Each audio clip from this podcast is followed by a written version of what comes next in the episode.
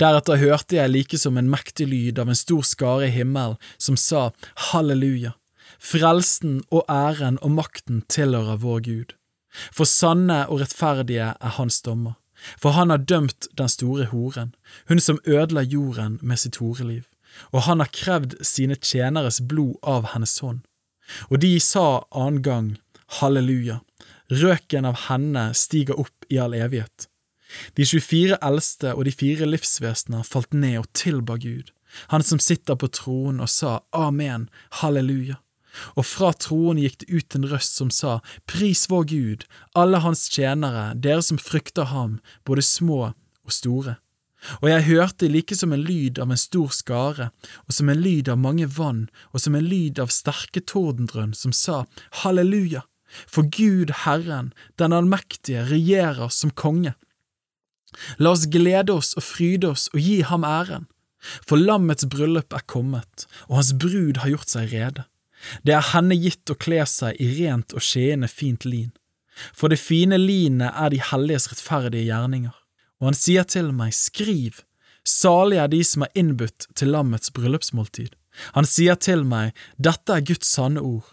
Da falt jeg ned for hans føtter for å tilbe ham, men han sa til meg, vokt deg for det, jeg er din og dine brødres medtjener, de som har Jesu vitnesbyrd. Gud skal du tilbe, for Jesu vitnesbyrd er profetordets ånd. Og jeg så himmel åpnet og se en hvit hest, og han som sitter på den heter trofast og sannferdig, og han dømmer og strider med rettferdighet. Hans øyne er som ildslue, på hans hode er det mange kroner, han har en innskrift med et navn som ingen kjenner uten han selv. Han har iført en kledning som er dyppet i blod, og hans navn er Guds ord. Hærene i himmel fulgte ham på hvite hester, kledd i fint lin, hvitt og rent. Ut av hans munn går det et skarpt sverd, for at han med det skal slå hedningfolkene, og han skal styre dem med jernstav. Han tråkker vinpresten med Guds, den allmektige strenge vredes vin. På sin kledning og på sin hofte har han et navn skrevet, Kongers konge og Herrers herre.